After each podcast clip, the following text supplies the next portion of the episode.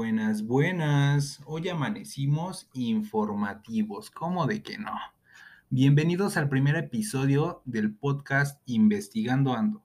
Compañeritos y maestras, espero que lo disfruten muchísimo. La semana pasada me dijeron, oye, grábate el podcast. Y pues aquí andamos sin saber cómo empezar, pero yo sacando el tema de hoy. Pues bueno, hablemos de los impuestos. Principalmente debemos tener en cuenta que los impuestos, todos sabemos que es un impuesto, pero bueno, generalmente un impuesto es un tributo que las personas deben pagar a alguna organización. Mm, en nuestro ejemplo, pues el gobierno, ¿no? Em, la pregunta aquí es, pero ¿por qué obligado, no? ¿Por qué yo? bueno, pues aquí la constitución política de los Estados Unidos mexicanos en su artículo 31, fracción cuarta, ay, ay, ay, ni me lo sé, se los voy a leer. Dice, son obligaciones de los mexicanos contribuir para los gastos públicos, así de la federación como de los estados de la Ciudad de México y de los municipios en que residen, de la manera proporcional y equitativa, perdón, que dispongan las leyes. Eso nos indica el artículo 31, fracción cuarta de la Constitución política de los Estados Unidos mexicanos. Pero, ¿saben? Ah, la semana pasada, em, bueno, yo no sé por qué hablo como, si fuera gente que no lo fuera a escuchar, pero, pero a nosotros em, nos dejaron investigar acerca de cómo es que se recaudan, ¿no? Cómo es que se da la autorización para que se recauden, ¿no? Eh, en qué banco depositas, así, ese, es como de, ¿dónde lo pago? Aquí lo que deja es que cada estado tiene su propia administración. Y yo lo descubrí la semana pasada.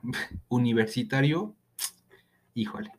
Em, descubrí, por ejemplo, en el estado de Campeche, tienen la constitución del estado de Campeche.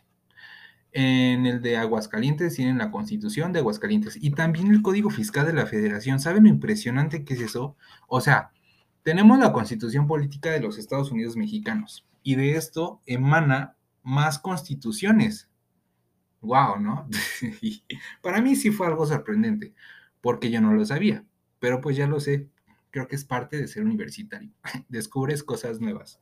Pero bueno, Em, pero ¿quién está dando la pauta a cada estado para pues poder recaudar esto, ¿no?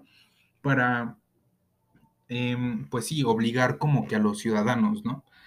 Em, igual encontré aquí el artículo 115, se los voy a leer también.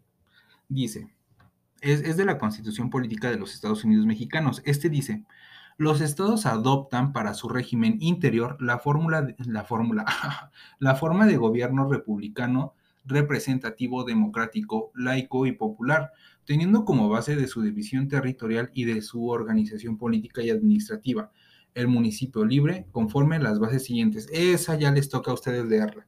Es el artículo 115 de la Constitución Política de los Estados Unidos Mexicanos.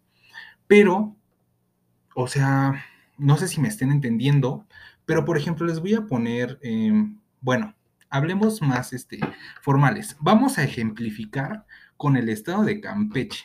Como les dije, pues para mí fue algo impresionante, ¿no? Por ejemplo, en Campeche está la, la constitución del estado de, constitución política del estado de Campeche. En el artículo primero dice que el estado de Campeche es parte integrante de la federación constituida por los Estados Unidos mexicanos. O sea, ya me lo están reconociendo como estado. Ajá. Y ahora dice, artículo segundo, la porción del territorio nacional que corresponde al estado es la que ha sido reconocida en la constitución. O sea, ya te reconozco como estado. Ahora yo determino cuál es tu territorio nacional, ¿no? O cuál es tu porción de territorio nacional más bien. Artículo tercero.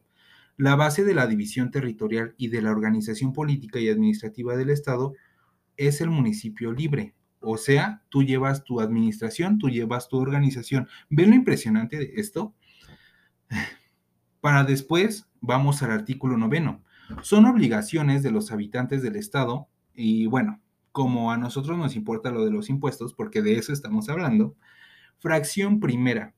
Si son mexicanos, inciso B, contribuir para los gastos públicos de la manera que se dispongan las leyes. ¿Ven lo impresionante de esto? O sea, una ley me lleva a la otra, pero estoy tomando como base la constitución política de los Estados Unidos mexicanos, porque pues es la que nos rige a todos. Eh, me acuerdo que un, un maestro, la verdad no sé cómo lo decía, lo voy a decir así al tanteo, pero decía como de que esa era la ley principal que, no había ley que sobrepasara la constitución política, porque ahí es donde se rigen nuestros derechos y obligaciones. Lo importante de ser mexicanos, ¿no? Em, aunque luego nuestro gobierno pues termine siendo más corrupto de lo normal y no nos beneficie para nada, pero bueno, benditas becas, yo las agradezco.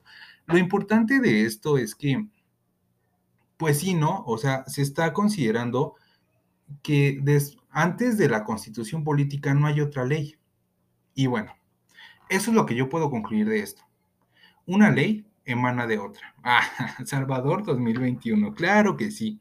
No les dije mi nombre, me llamo Salvador León y estás en tu podcast favorito. No, no es cierto, ni siquiera me conoces. Pero muchas gracias por ponerme atención.